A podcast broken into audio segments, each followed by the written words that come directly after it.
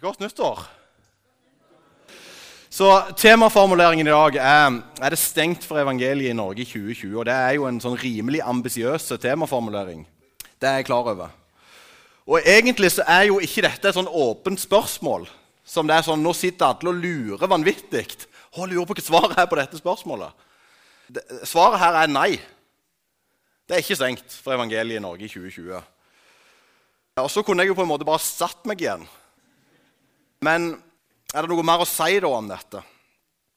Det er det jeg skal prøve på. Jeg skal si litt mer om det. Norge var en gang et kristent land. Og fremdeles så, så har vi en kristen kulturarv. Men kirka, dvs. Si, vi kristne, er ikke lenger på noen som helst måte premissleverandør til verken samfunnsordninger, verdier eller liv generelt. Det vi som følger Jesus, står for og representerer, er i dag politisk ukorrekt, og det er under sterkt press. Og dette skaper ofte i oss en, sånn, en ganske passiv holdning og defensiv holdning. Vi er litt redde. Redde for å bli mistenkeliggjort, redde for å bli latterliggjort, redde for å bli misforstått. Jeg tror ikke det er sånn at det er åpen forfølgelse i Norge i dag. Men det blir mer og mer krevende for oss. Og Det gjør at flere og flere av oss, uten at vi vil det, tror jeg, eh, gjør trua mer og mer private. Vi går kanskje på kompromiss med det vi egentlig står for, sånn at vi slipper ubehaget med å ikke passe helt inn. For det som vi kanskje står for, det passer ikke helt inn. Problemstillinger som abort, homoterapi, hele forståelsen av kjønnsforskjeller til mann og kvinne, eller at vårt verdensbilde bygger på en forståelse om at det er en Gud som bestemmer og sier hva som er godt og dårlig. Disse tingene her er krevende å stå for i vår tid. Og På mange måter så tror jeg mange av oss opplever at samfunnet blir litt, litt mer fiendtlig innstilt til oss som følger Jesus. Så det er et sånt press. Så er det stengt for evangeliet i Norge i 2020. I tillegg til dette presset som flere av oss opplever, så endres samfunnet enormt fort. Og Vi skal se på fire trender da, som er i eksponentiell endring. Det vil si enormt kjapt. Og Disse fire har Neil Cole skrevet om i denne boka som heter 'Rising Tides'. Det er en bok som jeg anbefaler enormt sterkt. Han har skrevet hele boka om det. Jeg skal snakke litt om det i fem minutter. Eh, boka anbefales. Det første befolkningsveksten er eksplosiv. Her ser dere grafen hvordan befolkningsveksten har utvikla seg fra tidens morgen. Jeg er litt sånn usikker på liksom, helt når det begynte, men det begynte iallfall en eller annen gang. Befolkningen på jorda den passerte 1 milliard i år 1804. Så det tok ganske lang tid fra liksom starten fram til den passerte 1 milliard. 100 år seinere var det en tredobling. I 2020 det vil si der vi er nå, så er det mellom 7,5 og 8 milliarder. Det var en helt, helt sinnssyk vekst de siste 200 åra. Sammenlignet med de vet ikke jeg, 8000 som var før. Så det endres vanvittig mye fortere enn det har gjort. Andre tingen, I 1965 så hevda grunnleggeren av Intel, datamaskiner Han sa i 1965 at prosessoren i datamaskinen sin kapasitet vil dobles hvert år de påfølgende ti åra. Så I 1975, altså ti år etterpå, så sa han at nå skjer det ikke hvert år, nå skjer det ca. annethvert år. Og Det høres jo ja, det høres greit ut, det. Men hvis en da sammenligner denne første prosessoren fra 1971 med sjette generasjons Core-prosessor, som kom ut i 2016, tror jeg, så er den 3500 ganger kjappere. Den er 90 000 ganger mer energibesparende, og den koster 60 000 ganger mindre. Det er hvor fort endringen her har skjedd. Hvis vi skal prøve liksom å sette det i perspektiv da, for å sammenlikne den utviklingen Hvis vi tar utgangspunkt i ei, ei Volkswagen Bobla Dere vet ikke, Det er en bil, ikke sant? Liten bil. Eh, fra 1971. Og den har samme da, utviklingen så ville det sett ut på følgende måte i dag. Den ville hatt en hastighet på 480 000 km i timen. Den ville kjørt 849 258 km per liter bensin. Og du ville trengt én tank hele livet. Så intense har endringen vært i teknologien. Mengden forskningsdata totalt i verden den øker i dag med ca. 30% hvert, tredje, nei, hvert år. 30% hvert år. Det vil si at det dobler seg. Altså Mengden forskningsdata dobler seg ca. tredje-fjerde hvert år. Dobler seg tre, det, det er ganske mye. Og alt den informasjonen, vet du hvor den er hen? Den er i lommen din. Jeg har ikke telefonen med meg. Den er tilgjengelig. Alt den informasjonen er tilgjengelig hele veien. For alle. Og noen av oss, ja, iallfall fall som er så gamle som meg, vi husker jo livet uten Internett. Med én TV-kanal. Og hvis vi lurte på noe, så var det bare mor og far sitt gamle tolvbindsleksikon som kom ut 12 år før, som var tilgjengelig for oss for å finne ut av det. På 25 år har ting endra seg helt enormt fort i forhold til teknologi og informasjonstilgjengelighet. Tredje tingen økonomiske ulikheter. Det har det alltid vært. Men det som skjer nå, er at andelen fattige og rike blir større enn middelklassen. Så I USA så var det i 2015 første gang i historien at middelklassen, dvs. Si de imellom, de var mindre. De utgjorde mindre enn de to andre klassene. Så det ble flere fattige, altså fattige og rike utgjorde større andel av befolkningen enn middelklassen. Og de fleste har på en måte sagt at så lenge middelklassen er størst, så klarer vi å holde ting i balanse. Eh, statistikken i USA sier at på, på 1950-tallet så trengte en ei inntekt for å eie ett hus.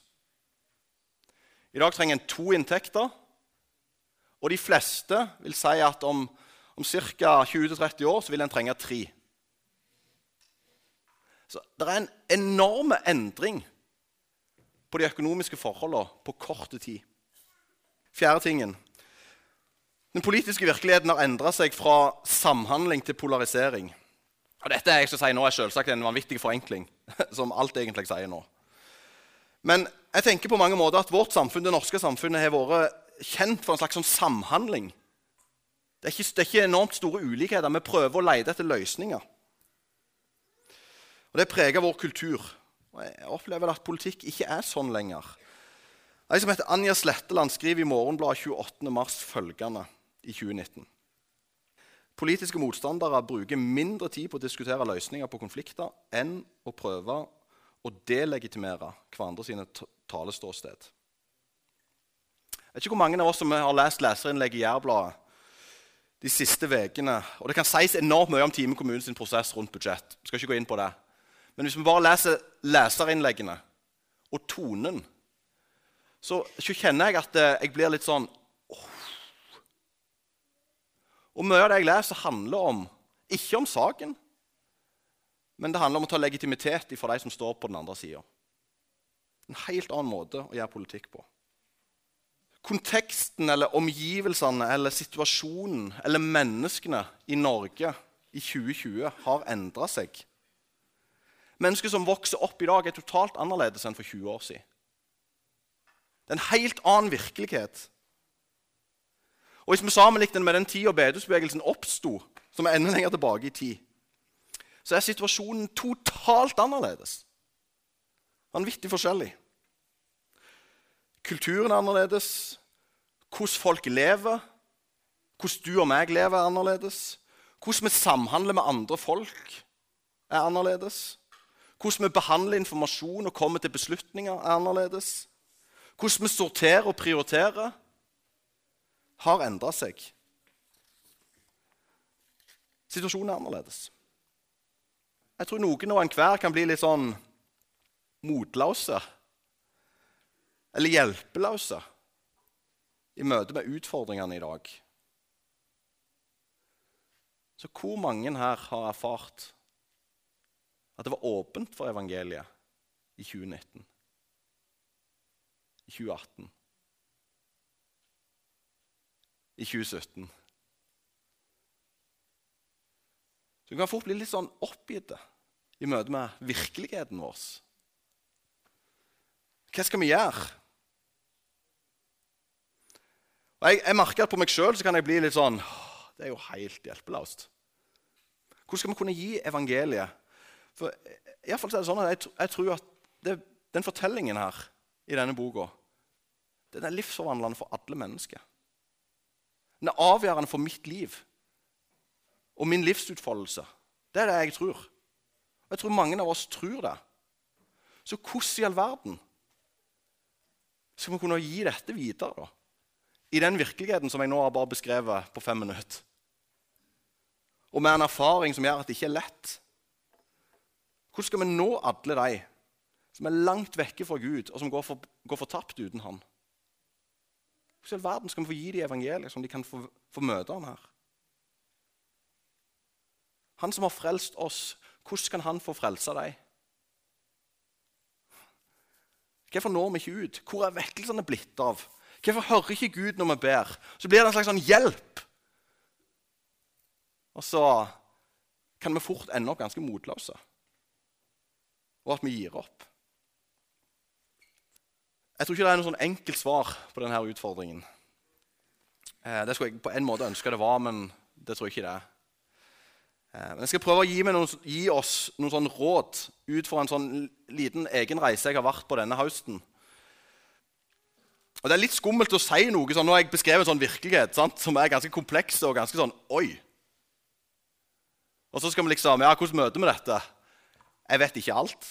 Det er mange ting jeg ikke vet om hvordan verden er, om hvordan folk er, om hvordan kulturer er, og hvordan ting henger sammen. Masse ting jeg ikke vet. Men jeg skal prøve likevel å gi noen slags sånn råd. Jeg har ikke hele oversikten, men gi noen anbefalinger. da. Det er tre ting som jeg skal si litt om. Tre ting som jeg tenker at vi må endre. For det første vi må endre perspektivet vårt fra å se på situasjonen fra vårt perspektiv til å se på den fra Guds perspektiv. Det jeg gjorde i begynnelsen, var å se på situasjonen fra vårt perspektiv. Tror du at Gud har kontrollen? Tror du at alt Gud gjør, er godt og rett og perfekt?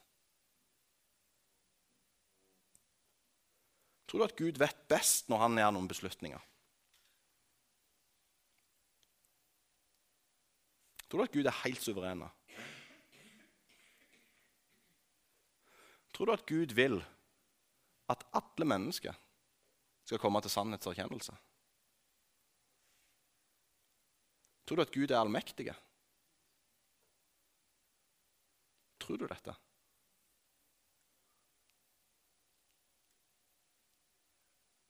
Fra Guds perspektiv.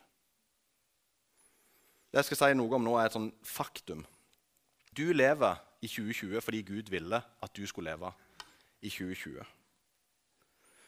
Du og meg tror på en personlig Gud.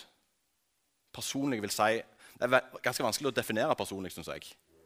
Men det er iallfall en form for kjennskap. da. Så Gud kjenner deg. Og Gud ville at du skulle leve i 2020. Og Gud har kjent alle mennesker som har levd gjennom hele denne tidsalderen. Og Det er etter hvert ganske mange hår på hodet han må ta kontroll på. Men det har han hatt. Og så har han valgt å plassere deg nå. Prøv å tenke deg liksom dette her. Han kunne jo plassert deg på 1920-tallet. Eller på 1700-tallet. Eller han kunne plassert deg på 1100-tallet. Takk Gud for at han ikke gjorde det. Helt sånn seriøst. Han kunne jo gjort det. Av en eller annen grunn.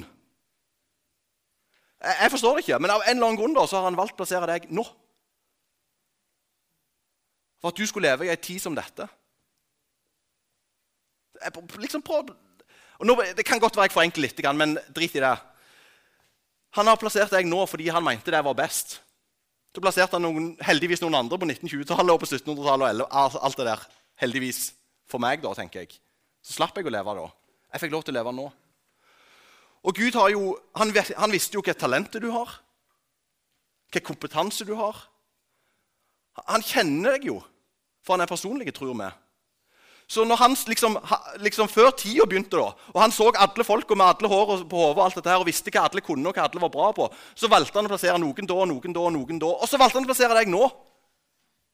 Midt i denne virkeligheten som jeg nettopp har beskrevet. Fordi han mente det var best. Tenk på det. Når jeg hører det, liksom, så blir jeg litt sånn Hæ, er det sant? Det betyr jo at jeg må noe å komme med. Sånn, Iallfall fra Guds perspektiv, da. I denne her tida. Som kan virke litt sånn krevende. Men Gud som vet alt, av en eller annen grunn som jeg ikke forstår bedre, og så har han plassert meg nå fordi han tenkte det er best for totalen. At Thomas lever i 2020. Og da blir jeg ganske sånn positivt framoverlente i møte med virkeligheten. Gud har bestemt at jeg skulle leve nå. Og han har faktisk bestemt at du òg skulle leve nå. Tenk på det! Han kunne jo satt deg hvor tid som helst. Og så valgte han å sette deg til å leve akkurat nå. Det er ikke tilfeldig. Tror iallfall jeg. Det er ikke sånn at alt du tilfører, er godt og rett og perfekt. Det er ikke det jeg, det ikke det jeg prøver å si nå. Men potensialet for at det du tilfører, verden, omgivelsene, menneskene du møter For at det skal virke og være bra og positivt, potensialet for det tenker jeg absolutt er der, siden Gud har valgt å plassere oss nå. Hvis Gud er uforanderlig, det tror vi jo, så er evangeliet de gode nyhetene om Messias som er kommet for å bringe sitt rike, like kraftig til å frelse som noen annen gang i historien. Fra Guds perspektiv Husk dette. Fra Guds perspektiv så ikke evangeliet mister sin kraft. Frelse kan skje i dag, akkurat som det har skjedd før. Samfunnsutvikling og endring av kultur og hvordan menneskene er, og at den kristne kulturarven forsvinner fra Norge, og alle disse tingene her, det påvirker ikke i det hele evangeliets kraft. Det påvirker situasjonen vår, ja. det er det. Men det påvirker jo ikke evangeliets kraft. Så vi må se på situasjonen fra Guds perspektiv, ikke fra vårt. Den andre tingen er at vi må endre metodene og tiltakene våre. Det høres jo ekstremt teknisk ut. Men vær med meg på denne refleksjonsrekka. her da. Hvis de tingene vi gjør, ikke gir de resultatene vi ønsker, så må vi endre de tingene vi gjør. Og kristne sammenhenger, som jo vi er, vi har en sånn lei tendens til å la liksom bare fortida definere det vi gjør, og nåtida. Det vil si at det vi gjør, det gjør vi fordi det er sånn vi gjør det. Sånn funker det. Det vi gjør, det gjør vi fordi det er sånn vi gjør det. Og så fortsetter vi å gjøre det sånn som vi gjør det, for det er sånn vi gjør det. Så hvis resultatet ikke gir det som vi ønsker, så er det bare sånn liten tips.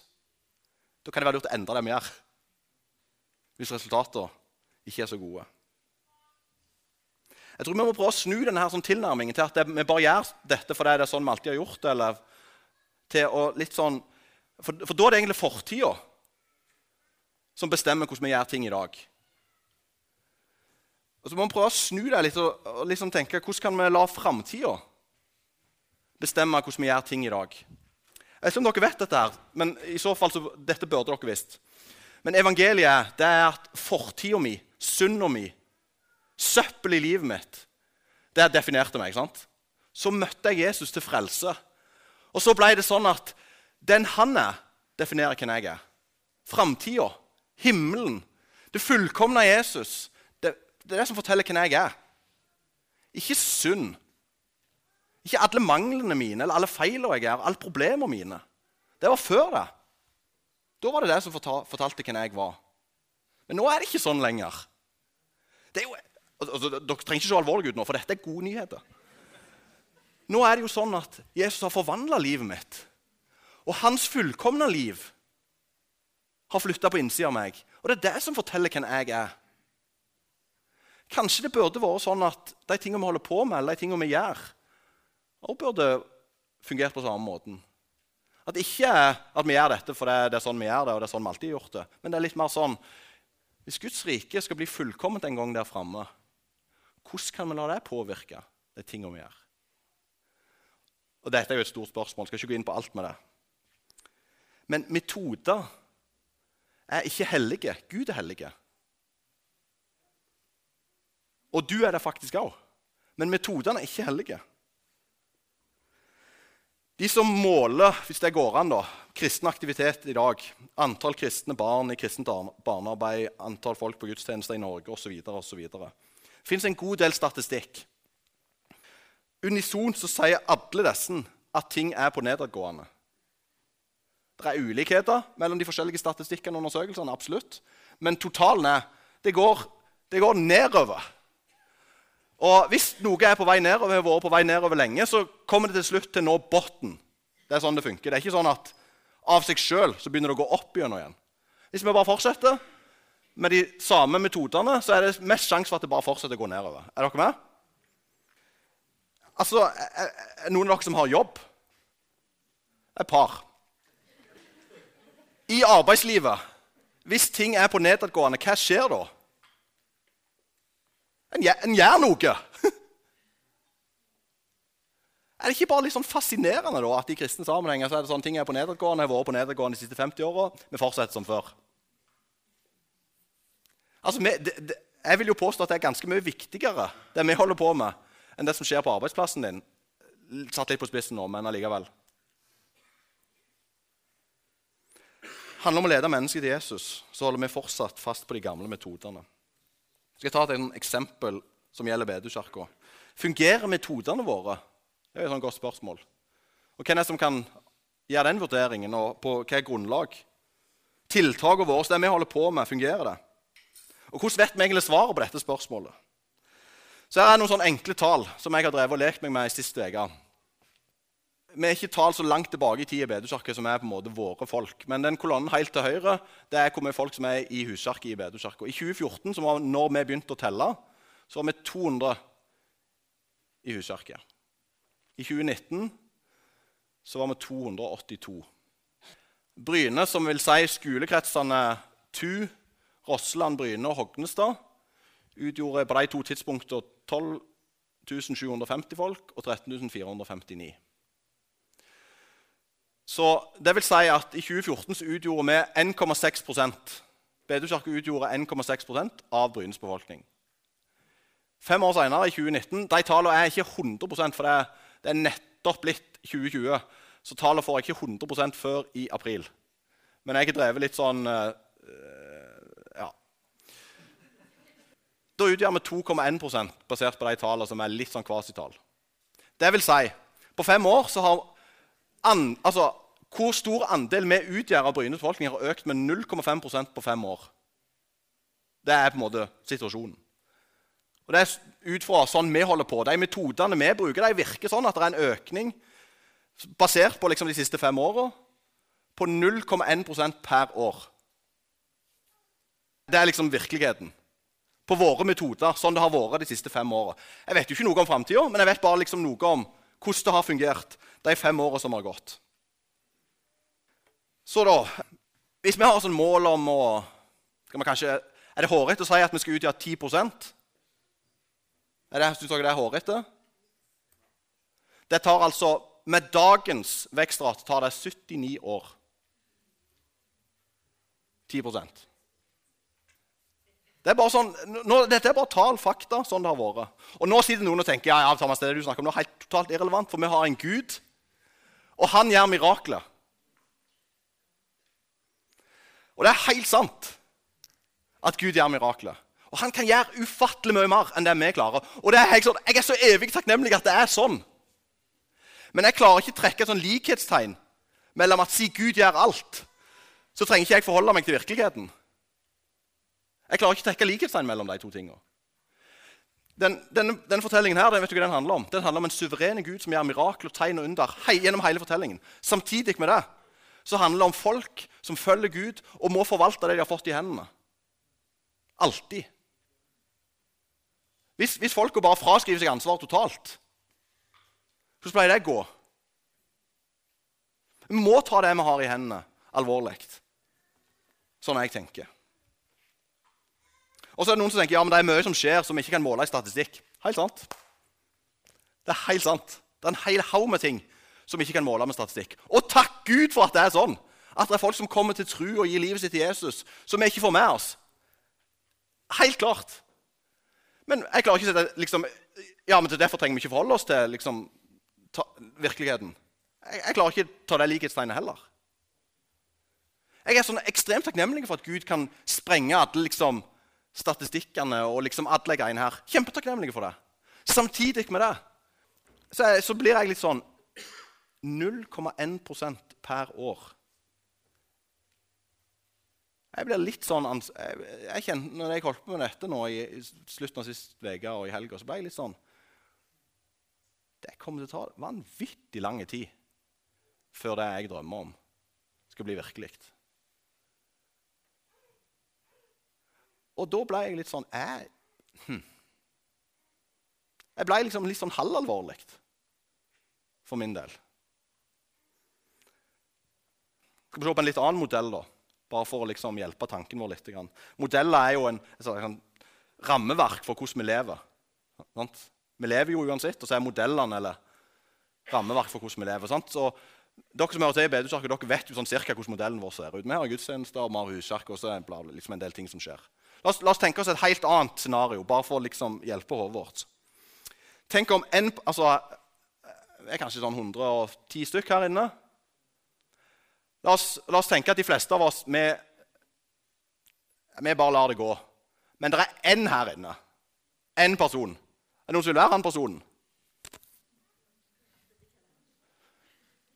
Svein Arne vil. Én person. La oss tenke oss at han heter Svein Arne. Eh, den ene personen her, han, han, bestemmer seg for at i 2020 så skal jeg disiplere en annen. En annen. Mens alle vi andre vi bare, pff, vi bare lar det gå. sånn, Den der andre modellen bruker vi. Den som, nett, den som vi kjenner. Mens han ene han bestemmer seg for én person. Han skal disiplere, dvs. Si lære å følge Jesus dette året. Og så gjør, gjør sånn Arne det. Og så I 2021 så gjør disse to da, de gjør det samme. Sånn at eh, det var én Svein Arne i 2019. Det var to i 2020, Svein Arne og X. Og i 2021 så var det Svein Arne, X og to andre. Altså fire. Er dere med? Hvis vi fortsetter sånn, så ser det sånn ut. Eh, det begynner med N i 2019. I 2030, altså om ti år, så er det 2000 mann. I 2049 så passeres det en milliard. Med den måten å tenke på eller gjøre ting på. Hvis vi starter med kun én person her inne, kun én, så vil vi ha passert 100 av Time kommunes befolkning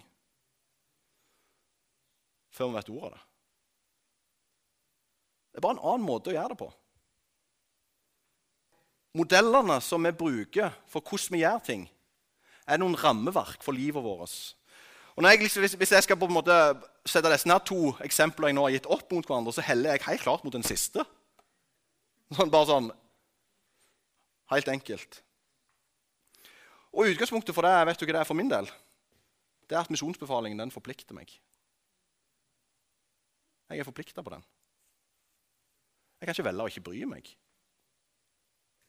Jeg er forplikta på misjonsbefalingen. Heldigvis er ikke vi bare én. Her inne er det jo en haug med gode folk. Tenk hvis vi hadde evna å fått det til. At det ble litt mer sånn at vi setter hverandre i stand til å disippelgjøre én.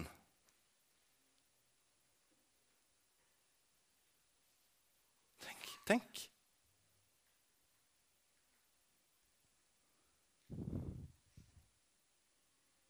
For evangeliets skyld så må vi la metodene våre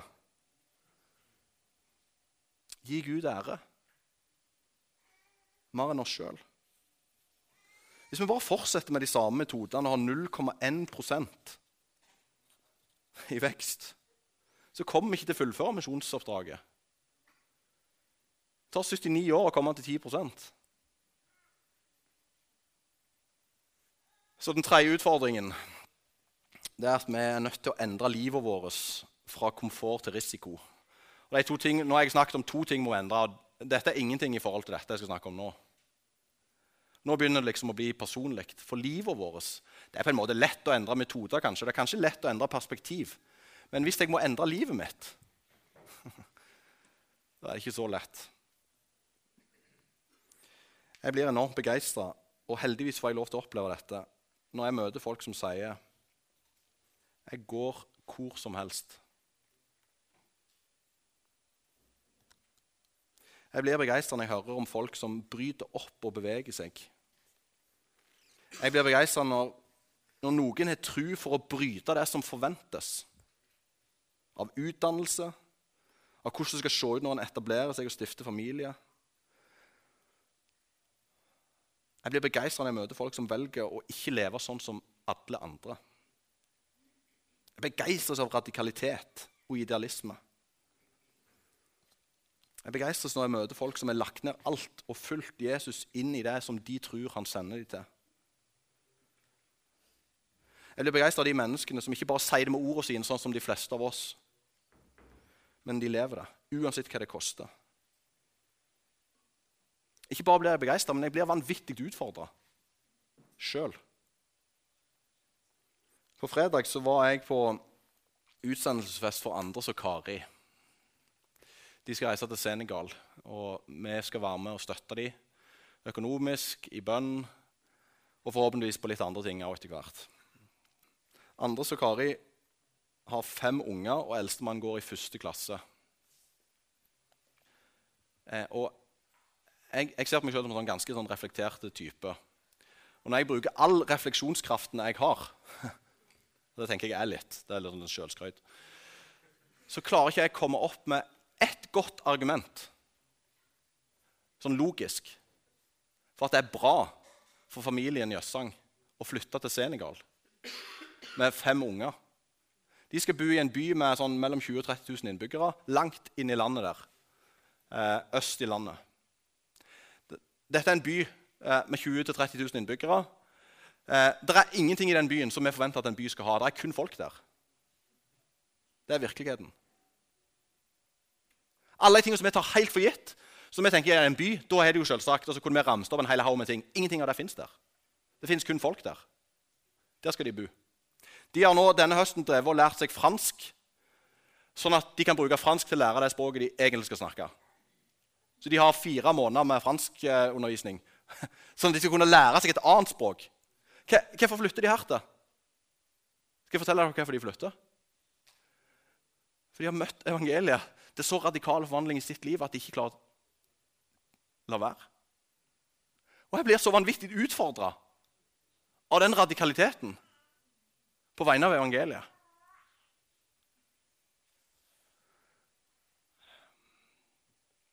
Det er ingen gode grunner for å flytte der med fem unger.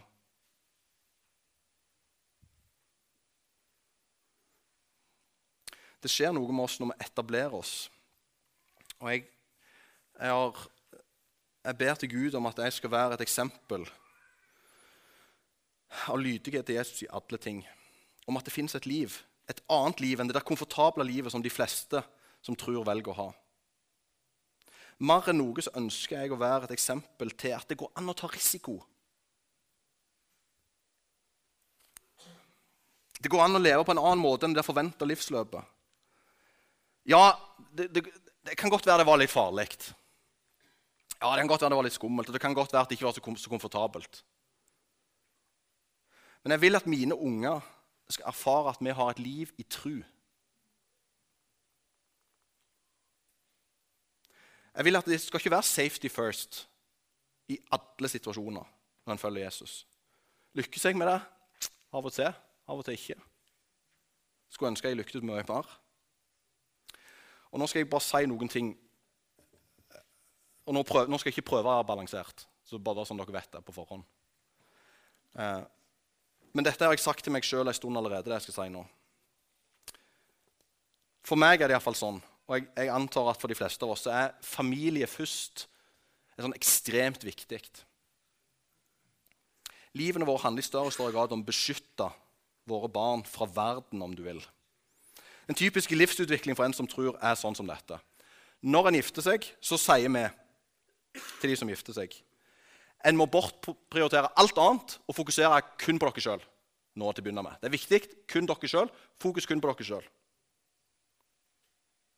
Når første barnet kommer, så oppmuntres vi hverandre til å alt annet ligge og fokusere på babyen, ungen. Ta vare på ungen, på dere sjøl. Og la alt andre ligge. Så kommer ungene på skolen, blir tenåringer, og vi gjør alt vi kan for å beskytte dem for alt. Eller ikke alt, men så mye som mulig. Det er oss, oss, oss, oss. Og dette gjør vi fordi vi følger Jesus. Når vi er kristne, så må vi Altså, Den type liv, den, den, eh, den står det ikke om her. Jeg har, 2019 så leste jeg gjennom hele Bibelen kronologisk. Og det som, Noe av det som slår meg aller mest, er at hele veien, fra de første folka som hører Gud og responderer i lydighet, til helt på slutten, så handler det om at en må sette Gud først. Det er det hele fortellingen handler om. Og det er vanvittig krevende. Folk reiser den ene og den andre veien. Folk kommer ut i vanskelige situasjoner. Folk blir forfulgt. Folk blir alt mulig. Fordi de setter Gud først. Denne safety first-livsstilen Jeg er sånn i, i, krig med den for meg sjøl. Hvorfor, hvorfor, velger jeg hele veien å unngå det ukomfortable? Jeg tror, jeg, går, jeg tror helt ærlig at jeg går glipp av så mye som Jesus hadde meint for livet mitt. Men jeg har safety first. Så kanskje vi skulle bare sånn skrevet 'safety first', men strek over hengt på liksom en eller annen plass vi så det hver dag, for å minne oss sjøl om det handler ikke om trygghet. Det er helt umulig å følge Jesus der han sender oss. Hvis safety first er liksom prinsippet vi lever for. Det er helt umulig. Det går ikke. Det koster å følge han. Vet, skolelaget presenterte en undersøkelse som de gjorde i, i vinter i 2019, som sa at ni av ti, 90% altså, av studentene som kommer fra kristne, miljø, kristne ungdomsmiljø, skjuler trua si på studiestedet. All statistikk sier også at 70% forlater trua når de fyller 18 år. Det er ganske alvorlige statistikker. Og jeg tror det skyldes, Skal jeg si hva jeg tror det skyldes? Safety first. De har aldri erfart å leve i tru. For vi prøver å beskytte for alt som er krevende. Satt på spissen, selvsagt, nå. Jesus sender oss ut til å være lys i mørket. Han vil gå til de menneskene som ingen vil gå til. De plassene som ingen har hørt om. De situasjonene som er uten håp. Hvor ofte tar vi risiko? Sånn at det er sånn at det går ikke hvis ikke Jesus kommer. Nå snakker jeg til meg sjøl. Så prøver jeg å konkretisere risiko litt. Men jeg tror det handler ekstremt mye om å ta relasjonell risiko. Altså I Veduskirka er vi så utskjemte med gode folk at vi holder fast på de gode folka. Vi trenger å ta risiko i møte med andre folk. Vi trenger å bygge relasjoner til de som ikke kjenner Jesus. De som ingen strekker seg mot. Og For at det skal fungere, så må vi faktisk gi opp noen av de gode relasjonene. Vi trenger å oppsøke og invitere folk inn i livet vårt og inn i vår omgangskrets. Og det er ukomfortabelt. Noen av de som er på vei inn i mitt liv, som ikke kjenner Jesus Altså, Dere er jo mye bedre enn dem. Sånn helt ærlig. Mye ryddigere, mindre konflikt, kommuniserer bedre. Det er vanvittig ukomfortabelt når det er dårlig kommunikasjon og en misforstås. Og en er uryddig. En sier ting som vi ikke er vant til blir sagt. Det er mye tryggere å bare være med dere. Vi trenger å be for disse folka hver eneste dag. Vi trenger å lete etter muligheter der vi kan dele evangeliet. Og ingen av disse tingene er lette. Men det er forholdsvis enkelt allikevel. Det er ikke lett å gjøre. Spørsmålet blir til slutt om vi vil. Og kanskje 2020 er det året der du kan begynne å leve med litt mer risiko i møte med folk rundt deg. Og kanskje det da erfaringen er at det er ikke så stengt for evangeliet. Men vi tok litt mer sjansen. Jeg, jeg, aksepterer ikke en sånn bekjennelse at Norge er stengt for evangeliet. Og hvis jeg gjør det Og nå aksepterer jeg det ikke i hodet mitt, men med livet mitt. Så sier jeg jo også at Gud er foranderlig. For Gud forandrer seg ikke. For han har sagt noe om at høsten er moden. Og jeg kan positivt lene meg inn og framover og tjene Gud med alt som jeg har. For jeg tror Jesus når han sier at høsten er moden. Jeg tror det gjelder Bryne i 2020. Jesus sier alltid sannheten. Jeg vet ikke om dere har fått med dere, men jeg har ikke lest noen ting fra Bibelen ennå. Men det skal jeg lese nå, for jeg vil at det er dette dere skal huske. Som regel leser vi jo teksten i begynnelsen, og så glemmer vi den teksten. Men det som jeg skal lese nå, vil jeg at dere skal huske. Det står i Matteus 9. Jesus vandra nå omkring i alle byene og landsbyene. Han underviste i synagogene deres, forkynte evangeliet om riket og helbreda all sykdom og plage. Og Da han så folkemengden, fikk han inderlig medfølelse med dem. For de var forkomne og hjelpeløse, som sauer uten gjeter. Da sa han til disiplene sine.: Høsten er store, men arbeiderne er få. Be derfor høstens herre sende ut arbeidere for å høste inn grøden hans. Jesus vandra nå omkring i alle byene og landsbyene. Han underviste i synagogene deres, forkynte evangeliet om riket og helbredet all sykdom og plage. Og da han så folkemengdene, fikk han inderlig medfølelse med dem, for de var forkomne og hjelpeløse som sauer uten gjeter. Da sa han til disiplene sine.: Høsten er stor, men arbeiderne få. Be derfor høstens herre sende ut arbeidere for å høste inn grøten hans.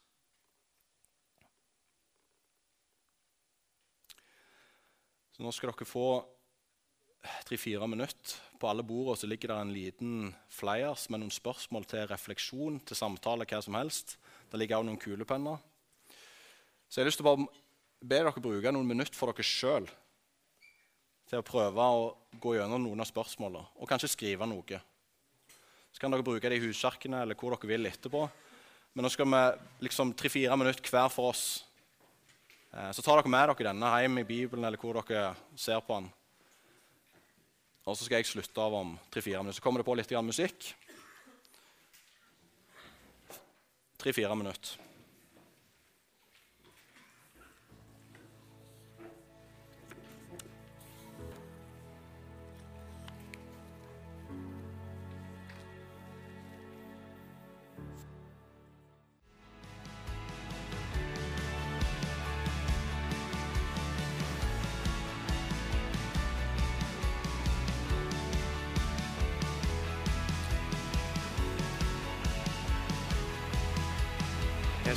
Takk for, uh, for, at du er her. Jesus, Hjelp oss å tro at uh, alle menneskene i vår omgangskrets, i vårt nabolag, i våre omgivelser, de har du på ditt hjerte. Sånn at For oss å oppsøke de, det er egentlig bare å følge etter deg. Tusen takk for at det er sannheten. Så ber jeg om at du hjelper oss til å våge litt mer. Hjelp oss til å våge litt mer. Amen. Og så jeg et par sånne små ting. Dette her med safety first Så er det Det er ikke sånn at det er tryggest i å søke de tinga. Det er alltid tryggest på klippen. Alltid. Så, så følge der som Jesus går, det er alltid den beste plassen for livet vårt. Så På denne utsendingsfesten for Anders og Kari så sa han som talte at den beste plassen for deg å være, det er jo når de følger Jesus der som han leder dem. Selv om det med vår logikk virker helt ulogisk. Så den tryggeste plassen for livet vårt er alltid når vi følger Jesus, der som han sender oss. Alltid det. Og så Peter, den dagen Jesus ble korsfesta, fornekta, ville ikke dele eh, tre ganger ytre presset ble så stort for at han vågte ikke, trakk seg, ble passiv. For det var fiendtlig innstilt mot ham. Sånn, sånn, var det Peter òg. Og så på pinsedag, som jo er bare et par uker seinere, så forkynner han med en sånn frimodighet. Og 3000 mennesker kommer til tro den dagen. På så kort tid har det skjedd en enorm forvandling. Det er jo helt utrolig. Frimodigheten er helt enorm. Så kan det være mange forklaringer, da. men hovedforklaringen er jo at Peter blir fulgt med Den hellige ånds kraft til frimodig fortelle om hvem som har forvandla livet hans. Det kan skje for ditt liv. Det kan skje for ditt liv. Så vi skal reise oss opp. Eh, så skal vi vende blikket til Jesus, tilbe han. Eh, og så skal vi be helt konkret for akkurat de tingene. At du skal bli fulgt med Den hellige ånd til frimodighet, sånn at du kan dele om Jesus. Så, så, hvis du vil ha det, så er det forbønn framme her. De som ber, de skal be konkret om det. Så tror vi at Gud gir. Og så er det litt sånn viktig at Nå er det en liten stund til ungene kommer ennå, men det er bra å prøve å være liksom her nå. Ikke være en annen plass. Vær her. Så løfter vi blikket til Han som kan gi alt som vi trenger til forvandling for våre liv. Han som går foran oss, ut til alle de menneskene som Han har gitt livet sitt for. Vi vender blikket mot Han og tilber med Han.